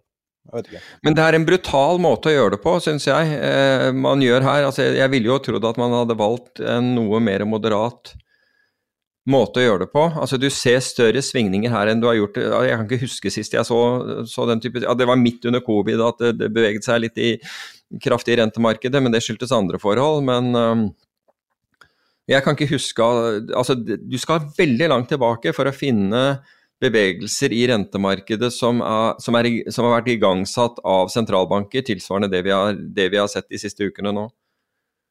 Og, der, og, og, du kan si at det, igjen, det begynte med Du snakker om sommerfugleffekten. Det begynte i Australia og, og slo ut et fond i Sverige. Ja, og det i Australia var det jo liksom anførselstegn ingen som fikk med seg. Uh, Australia er så langt borte. Jeg merker meg jo også at Australia har jo uh, Var det i dag eller i går de nekta å uh, ta standpunkt til regulering av krypto. Jeg ser at veldig mange lokale myndigheter begynner å kjøre nye runder med krypto. så det er, det er mye som på en måte er oppe i lufta nå, der det er usikkerhet for framtida. Alt mm. fra mm. liksom sentralbanker og pengetrykking og alt i den ene enden, til da krypto i den andre. Ja. Uh, så jeg føler at uh, at uh, noe er i gjære fra den sida, og, og, når de har annonsert tapering som skal starte fra forrige måned til juni, så er jo det noe som er veldig, veldig veldig vanskelig å gå tilbake på. Og jeg har ikke tro på at f.eks. aksjeinvestorer har tatt inn over seg hva tapering vil bety. Og det er jo ikke noe sånn kan bety. Hvis du ser på 97% korrelasjon mellom aksjemarkedet og pengetrykking, og det er annonsert at pengetrykkinga skal være i anførselstegn over i juni, det må jo da ha 97% betydning for aksjemarkedet. Ja, du vil jo tro at uh, Men ja, jeg tror de Igjen så går det på det der med hukommelse. Det er ikke, altså Folk har ikke sett noe annet enn en oppgang på så lenge nå at det er vanskelig å tro at, det ikke, at vi ikke vil fortsette å, å, se det. Og det jo veldig, har jo vært veldig likt med, med, med, med tidligere topper òg. Altså en topp blir ikke til uh, fordi folk er negative, den blir til fordi folk er overoptimistiske. Det er derfor toppen kommer. Så, men uh, men mens vi er inne på, på, på, dette med fond, og nå på den positive siden, så er det jo, nå er det jo um, blant de norske hedgefondene, da, så er det et som heter Borea utbytte, det er et litt merkelig navn på et hedgefond, men allikevel, som er opp 54% i år. Det må jo sies, sies uh, å være bra, for gjennomsnittet av uh, norske fond er opp 9,8. Altså norske hedgefond er, er, de beste i Norden i år, i hvert fall hvis du skal dømme etter, uh, etter indeksen. Um, så, um, så, så, det skjer noe, noe, der. Altså jeg må jo eh, Apropos, vi, vi snakket om 2008. altså Borea hadde jo også fond som gjorde det veldig bra frem til finanskrisen, og så gjorde de veldig dårlig i finanskrisen, og så stengte de fondene. Um, og lå, lå, da stille i et par år, og så startet de nye. og Det betyr da at de investorene som var med det fallet ned, de Altså, det vanlige er jo at når du faller, så må, så må fondet ta igjen det, det tapte før de begynner å ta nye suksesshonorar av deg. Men ved å stenge fondet, så slipper de det, og så startet de nye, og da får du, da får du um, suksesshonorar fra første krone. Så jeg, jeg syns ikke at Jeg syns den gangen at det var en ganske dårlig greie eh, å gjøre mot eh, investorene. Jeg har selv ikke investert, så det er ikke noe ikke noe, har ikke noe med det å gjøre. Men jeg håper virkelig at uh, kanskje uh, at fondet har en, annen, en, administrasjon som ser annerledes på det uh, nå, hvis, hvis, man skulle liksom oppleve leve lignende. fordi ellers er det jo akkurat det som man frykter, det at man tar, man tar suksesshonorar når det går bra, og så bare stenger man når det går dårlig, og så bryr man seg ikke om investorene. Um, en annen gladmelding, da, for å si det på den måten, det er Norquant. Altså, vi snakket jo om Norquant, at det lå så langt etter. Altså, det lå både De er jo da investert tungt i aksjemarkedet, vesentlig grad i aksjemarkedet, noe sånt nesten ja, 60-70% i aksjemarkedet og 20-30 i um, i råvaremarkedet. Men det til tross så lå de jo da dårligere, hadde en dårligere utvikling både enn råvaremarkedet og aksjemarkedet. Um, så den gledelige nyheten er at siden vi påpekte det, så har faktisk det fondet altså har de snudd den der utviklingen, den relative utviklingen. Så de har siden det altså De har ikke tatt igjen, uh, tatt, tatt igjen aksje- og råvaremarkedet enda, men de har definitivt lukket det, det gapet betydelig. Og jeg vil jo like å tro at det var vi som ga, ga dem et spark bak, men det, det ville være det, det vil antakeligvis være, være, være, å håpe for mye. Men, uh, men poenget i hvert fall en gladnyhet er at de har Det er tydelig at der har de satt eh, spaden i bakken og funnet ut at her må vi, bør vi gjøre ting bedre. Kan være tilfeldig, men i hvert fall så gjør de det eh, bedre nå, og det må jo være en gladnyhet. Ellers så ser vi at uh, Millennium, som er jo, er jo et hedgefond som har eksistert i det må jo være over 20 år, uh, og som har hatt ett tapende år, det var, i, det var, i, 2008. Det var for øvrig opp 25,6 under koronakrisen. Og er det Altså, de har jo rett og slett hundrevis av strategier, og jeg tror de har hundrevis av team, så det er multistrategi, multimanager eh, hedgefond.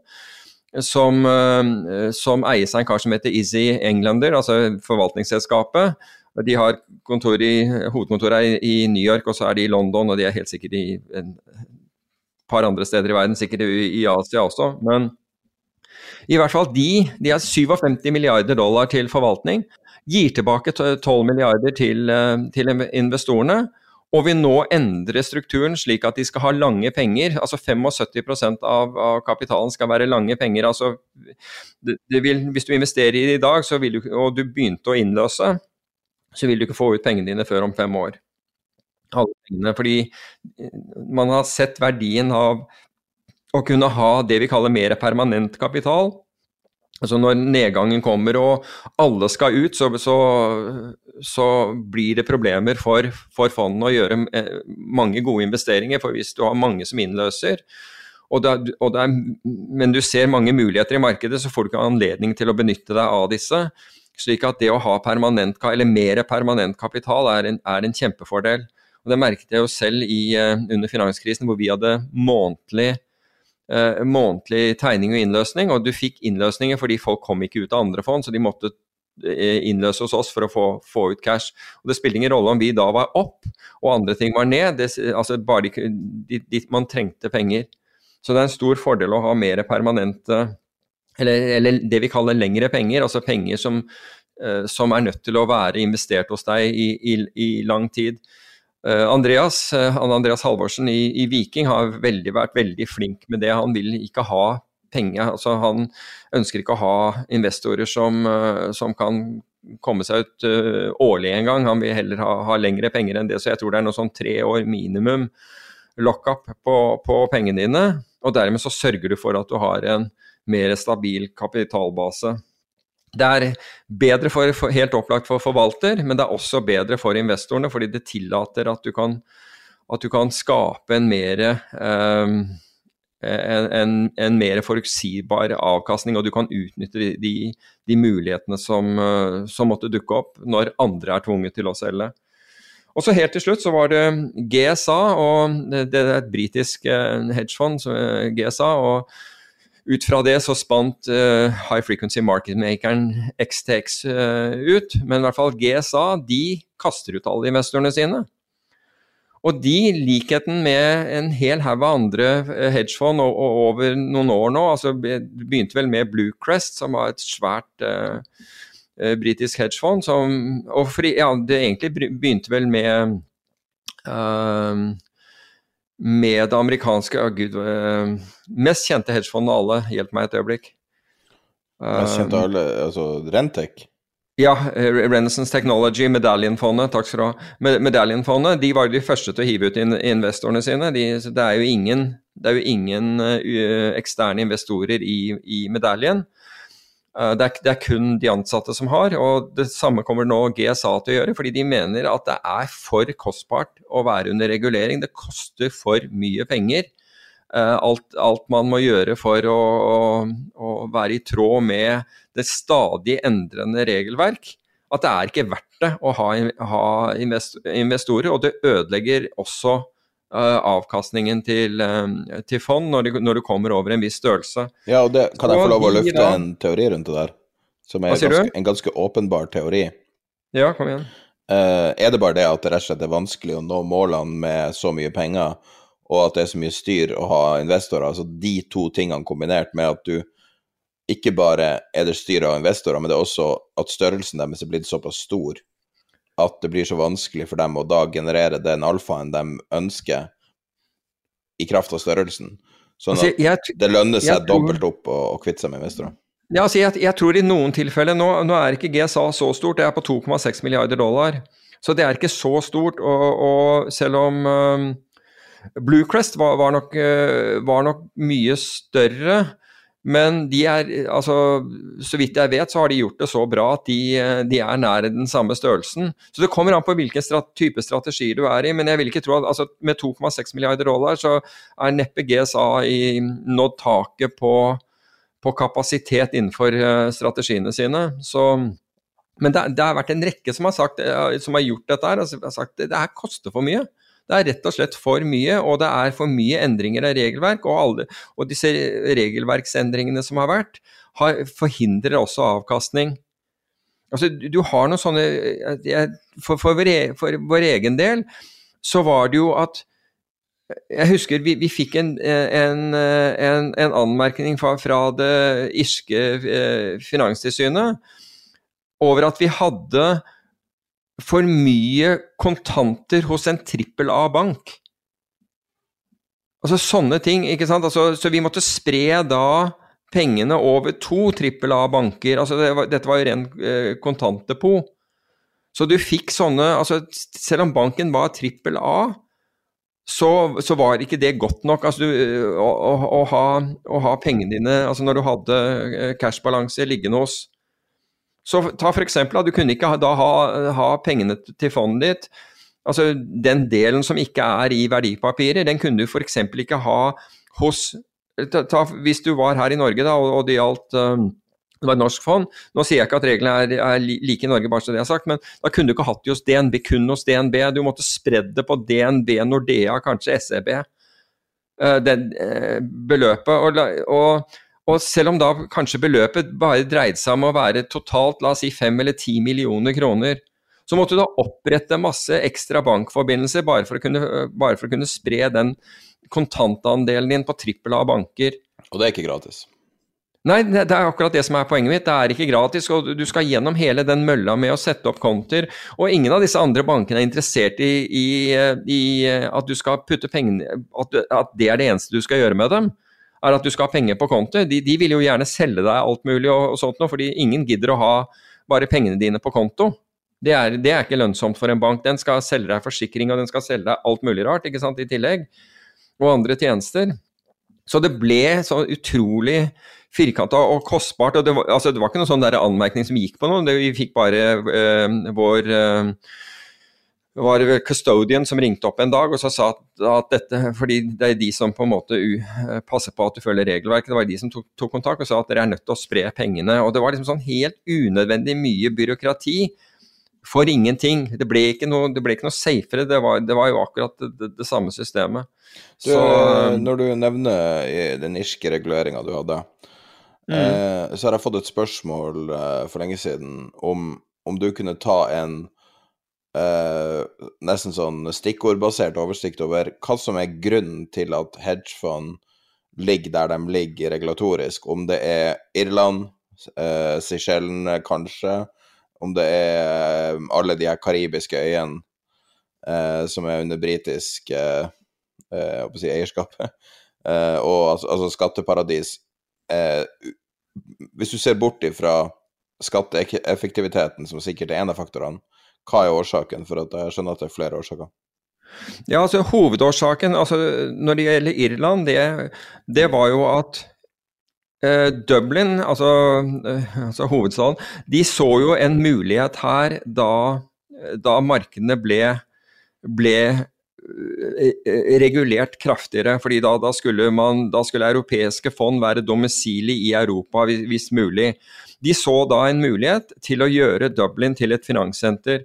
Og jeg husker det var så mange som smilte eh, over den ideen. Og, det, og andre sa at det kunne like gjerne Oslo ha, ha, gjort det. Og vet du hva, Oslo kunne ha gjort det, men, men irrene heiv seg på, og de fikk til dette.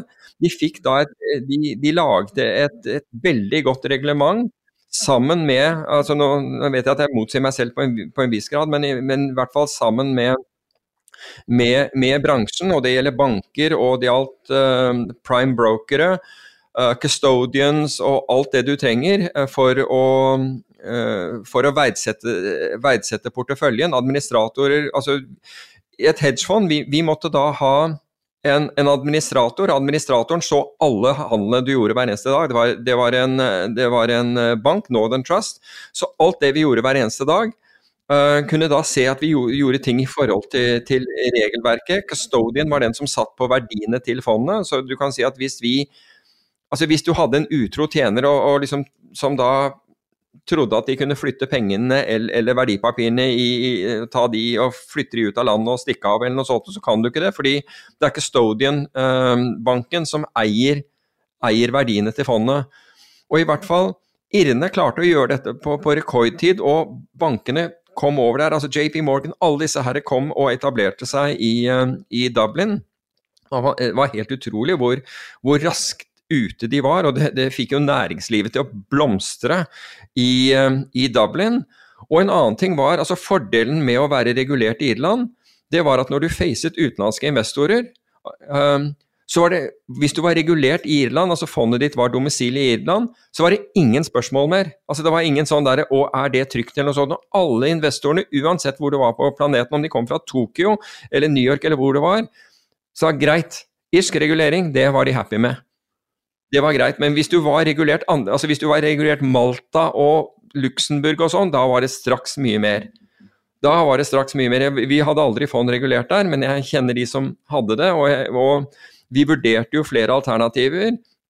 Hadde en veldig bra uh, konsulent på dette her, som sa at ikke vurder det der, kjør det irske. Du vil, du vil, ikke angre på det i forhold, fordi investorene føler seg trygge når, når, når, uh, når fondet er etablert der. Hva med Cayman, da? Har de samme rolle? Altså, Cayman er jo der hvor de amerikan amerikanske fond er jo enten Delaware, hm. altså staten Delaware som har spesielle, spesielle regler. Ja, Som er et skatteparadis inne i USA, ja. Nettopp. Eller Cayman, som også er regnet som et, et skatteparadis. Men jeg har jo da vært investert i Cayman-fond. Og det er veldig mye vanskeligere å finne ut noe om det fondet. For en av de tingene du gjerne vil gjøre når du har investert i fond, det er å gjøre en sånn årlig sånn due diligence med f.eks. custodian, administrator og den type ting. Hvor du går gjennom en sånn sjekkliste for å høre om det er noe som de har hatt øh, øh, Som de har vært uenige med fondet, eller noen issues som har vært med, med, med fondet eller forvalter, eller et eller annet sånt. Og det er nesten umulig med Cayman-fond det er nesten umulig å få noen i, i tale og få et, klart svar på noe. I Irland, ring over, og du får snakke med liksom, saksbehandlere, hele greia som går gjennom og kan fortelle deg alt opp og ned og, og i mente. Så, Så det overrasker meg helt. Det her er genuint overraskende. Uh, for jeg, jeg, trodde du for, forsvarte bruk av uh, Cayman som, uh, som lokasjon for fond. Jeg, jeg foretrekker Altså, du kan si at amerikanske fond er jo stort sett Cayman. Jeg ville mye heller at de var i Irland, hvis det, det var en, en, mulighet, men Cayman i forhold til mange av de andre i, i, det, er lett, det er lettere å gå på disse Cayman-aktørene, men det vi fant ut, det var, var, at når vi først trengte denne informasjonen, La oss si at det var JP Morgan Cayman eller et eller annet sånt. Så gikk vi gjennom vår JP Morgan-kontakt enten i London eller i New York, og så fant, fikk de den informasjonen for oss. Når vi gikk direkte mot Cayman, så var det Altså, det, det var nesten som å gå mot en sveitsisk bank, altså. Vi fikk men sveitsiske banker har jo blitt åpnere også, altså. ja, nå er de det. Nå er de det, det er helt riktig. Men Number altså, counts, uh, thing of the past. Ja, ja slik de var, eh, var, eh, tidligere. Det var ett fond vi hadde et problem med, og vi ikke liksom klarte å få drillet ned og alt mulig sånn. Det var også et, et, et fond som da, som da hadde problemer. Og hvor, hvor, vi klarte ikke å få ut den informasjonen uansett hvordan vi, vi vred og vendte på det. Men, men, eh, fordi vi kjørte hele prosessen, så fikk vi, så fikk vi oppgjør. Um, så, så, igjen, altså bare for å oppsummere det, altså Ting kan ha forandret seg i dag, og noen kan komme og si at ja, vi har den og den domisilen, og den gjør akkurat det. kan godt hende.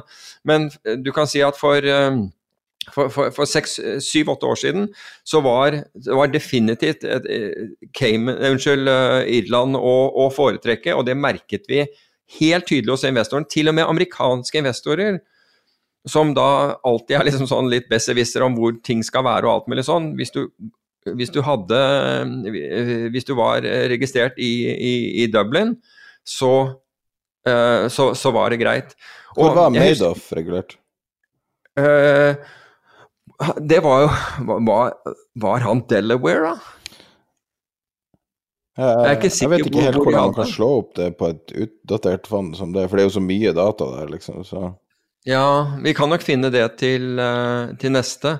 Men, men, eh, men ved, et, ved et tilfelle så For vi hadde jo mye valutaopsjoner i porteføljen. Og det gjorde at, at vi fikk et sånn Det ville, tilsvarende ville være stedlig tilsyn her i, i Norge. Hvor de varsler at de ville gjøre det. Og det ble gjort med at eh, to av styremedlemmene våre eh, eh, møtte hos eh, den norske sentralbanken, og jeg var på linje fra, fra Oslo. Og da var det om hvordan, hvordan det ble priset. Og jeg skal love deg, altså eh, Jeg husker de styremedlemmene, de var, de var kjempenervøse uh, på forhånd. Fordi de, de sa disse folkene her virkelig kan det de, de driver med. Og de er tøffe som bare det. Og, vi, og jeg måtte da beskrive og forklare hvordan vi, hvordan vi priset disse valutaopsjonene, hvordan vi gikk frem for å prise dem. og Dette var jo, var jo spesielt ved månedsslutt, hvordan dette ble gjort og, og, og, den biten der.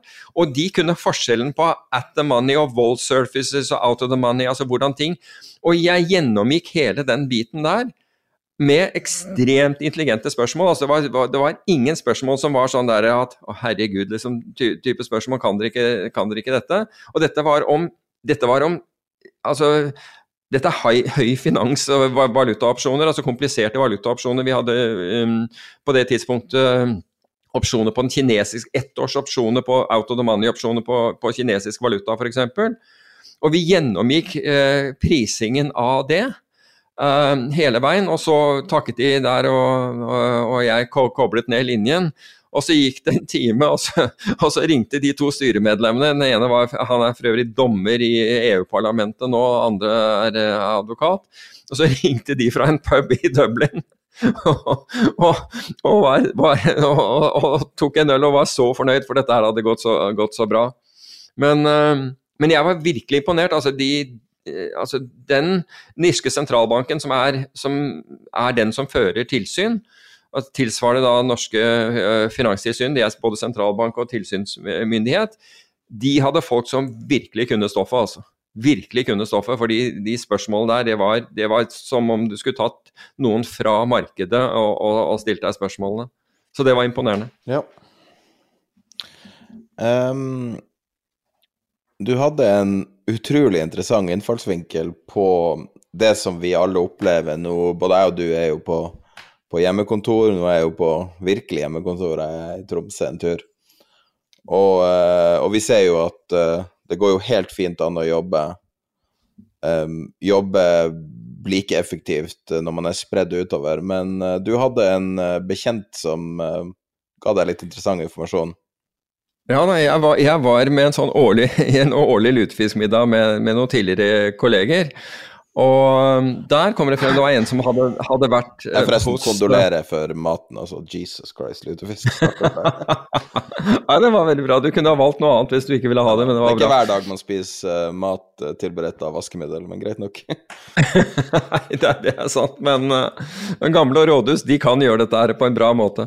Men i hvert fall, han ene hadde akkurat vært på, på, um, på et sånt seminar med, med Telenor, og da forteller Telenor at at gjett, altså, du ville sikkert, eh, du ville sikkert gjette det, men spørsmålet er hva har Hafjell, Kvitfjell og Kragerø til felles?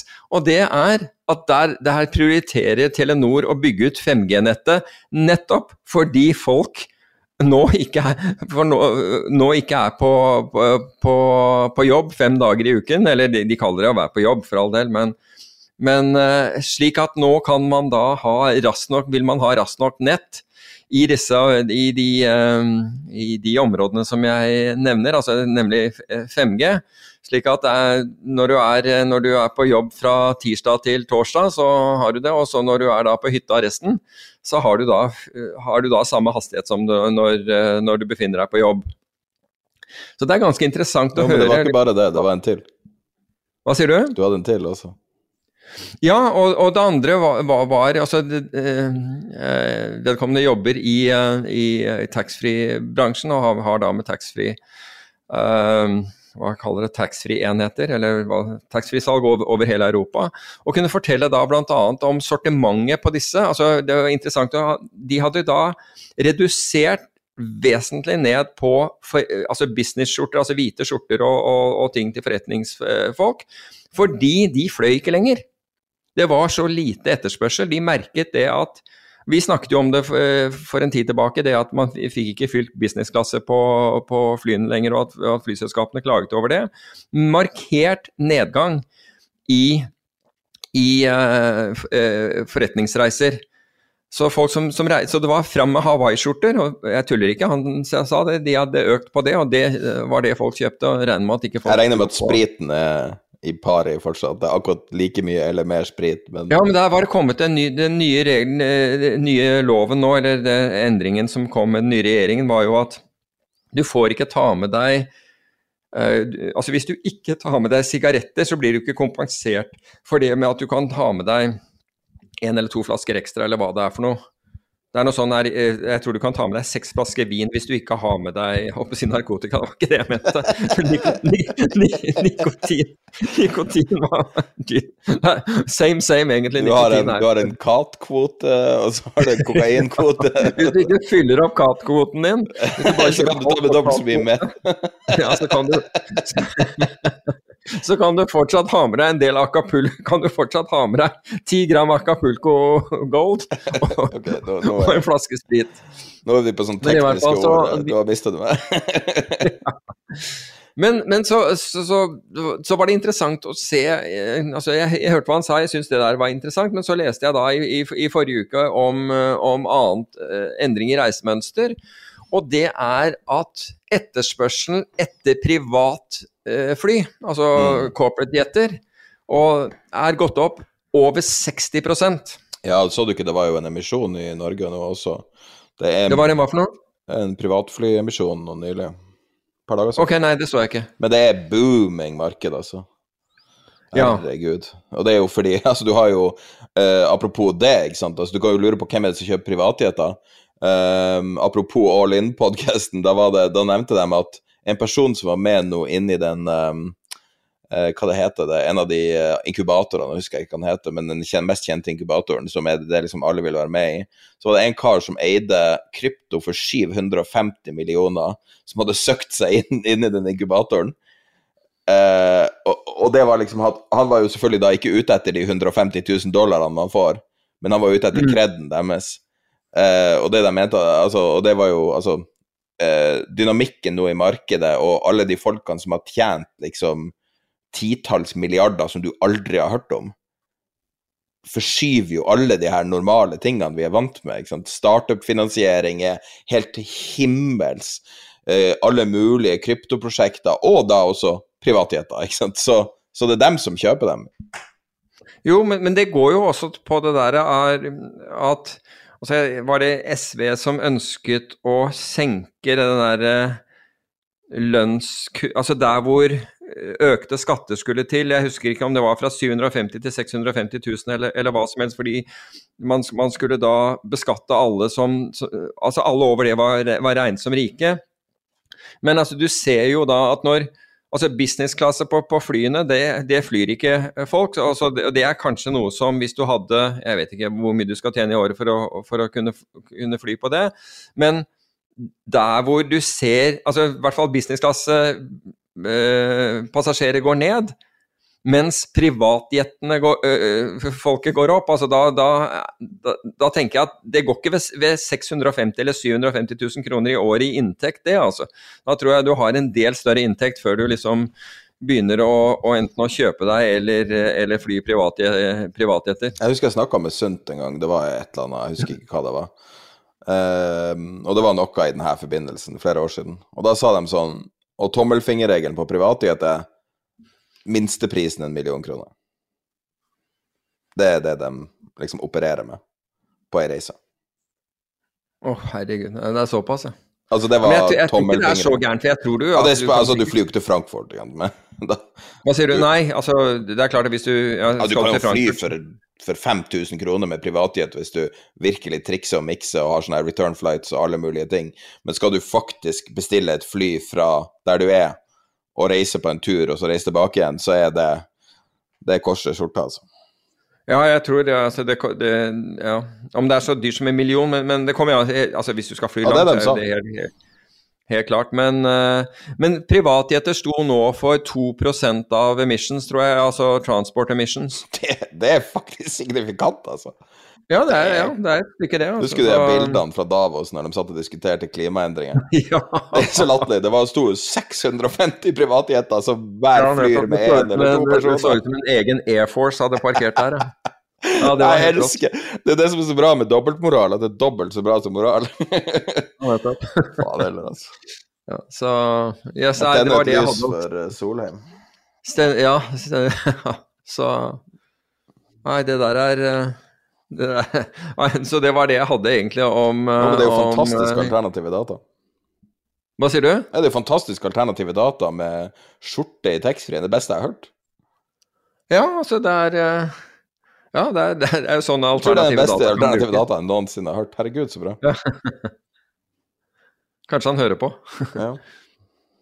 Nei, men det er jo eh, Altså, eh, har du vært på Gardermoen i det siste? Nei, det er lenge siden nå. Vet du hva Gardermoen ser ut som nå? Eh, nå har jeg aldri vært i en krigssone, men jeg har fått det forklart hvordan, hva som skjer uh, f.eks. på Balkan, når, når du gikk fra å ha et etablert Eller en venn av meg bodde i Syria når det smalt. Og sånn som det var i Syria, så var det akkurat som å være i Oslo, mer eller mindre. Sånn more or less før, før det gikk eh, skikkelig galt. Og så er det sånn fra en dag til neste, så plutselig er det sånne checkpoints rundt omkring. Sånne satt opp med sponplate som så står det tagga på checkpoint, liksom. Og når du Mm. kommer inn på Gardermoen nå, så er det litt sånn konstruksjon på De har bygd om den der eh, avgangshallen til å være sånn covid-sjekk, med masse sponplater. Og det ser så utrolig grelt ut hvis du setter opp mot den fantastiske arkitekturen på Gardermoen. Uh, og det eneste assosiasjonen jeg hadde, var hvis det blir liksom skikkelig krig i Norge, så kommer Gardermoen til å gå, gå tilbake til å se akkurat sånn her ut. Uff, ja. Bare mangler sandsekkene. er det det? Er det krigssone? Ja, det er jo ofte Noe av det første du gjør når du graver, graver et eller annet hull i bakken for å gjemme deg, er jo å begynne å fylle sandsekker i tillegg, da. Så det kan jo være lurt. Ja, altså ligge bak en sandsekk liksom, for du vil bli skutt? Ja. Jesus, Ja. jeg håper alle trenger å tenke på den problemstillinga.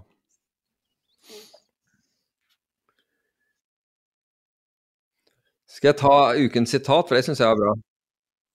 Ja, og altså Nå, jeg, nå har jeg skrevet det på engelsk, men jeg får kanskje si det på norsk. Altså, hvis du, hvis du aldri gjør samme feil to ganger, så kommer du ikke til å gjøre mange feil etter at du har fylt 20. Jeg syns det er bra, jeg. Ja. Det burde man tenke over. Og så vil jeg da kontre som jeg gjorde før vi starta, med den niårige sjakkspilleren som satt i bakgrunnen når jeg satt og så på en sjakkstream en gang, en forelesning. Og da var det en som læreren skulle få dem til å si noe sånn kjente regler for sjakk. Og da rakk en niåring opp eh, Forresten, en veldig kapabel sjakkspiller, altså. Så rakk han opp handa og sier 'Always make the same mistake twice'. Så uh... Jeg regner med at han ikke har slått Magnus Carlsen. Uh, Nei, men han er god. Han heter Arjun. Ja. Nei, uh, og så kan vi kanskje runde av med mm, Men kan ikke jeg få ta den med inspirasjonen for den fra, fra Wall Street Journal? Og det er Pat Moorhead. Hvor, altså, det, det sto i Wall Street Journal nå i, i, i helgen, og hvorfor jeg la merke til det altså ved siden av det, var at en venn av Pat Moorhead eh, er, eh, er fallskjermhopper som ble 90 år på lørdag. Og som jeg har hatt glede av å møte i Paris i California. Og broren til en venn av meg var med på, på, hans, på, på et av de hoppene han gjorde da på lørdag på sin 90-årsdag. Og han gjorde ikke bare ett hopp, han gjorde ett hopp for hvert tiår han har levd, så han gjorde ni hopp på lørdag. Og på sin 80-årsdag for øvrig så gjorde han 81 hopp. Jeg vet ikke om han gikk surr på tallene, men, men uh, da var det noen som pakket for han, så han gjorde 81 hopp på én dag. Altså eller på et døgn, da, antageligvis.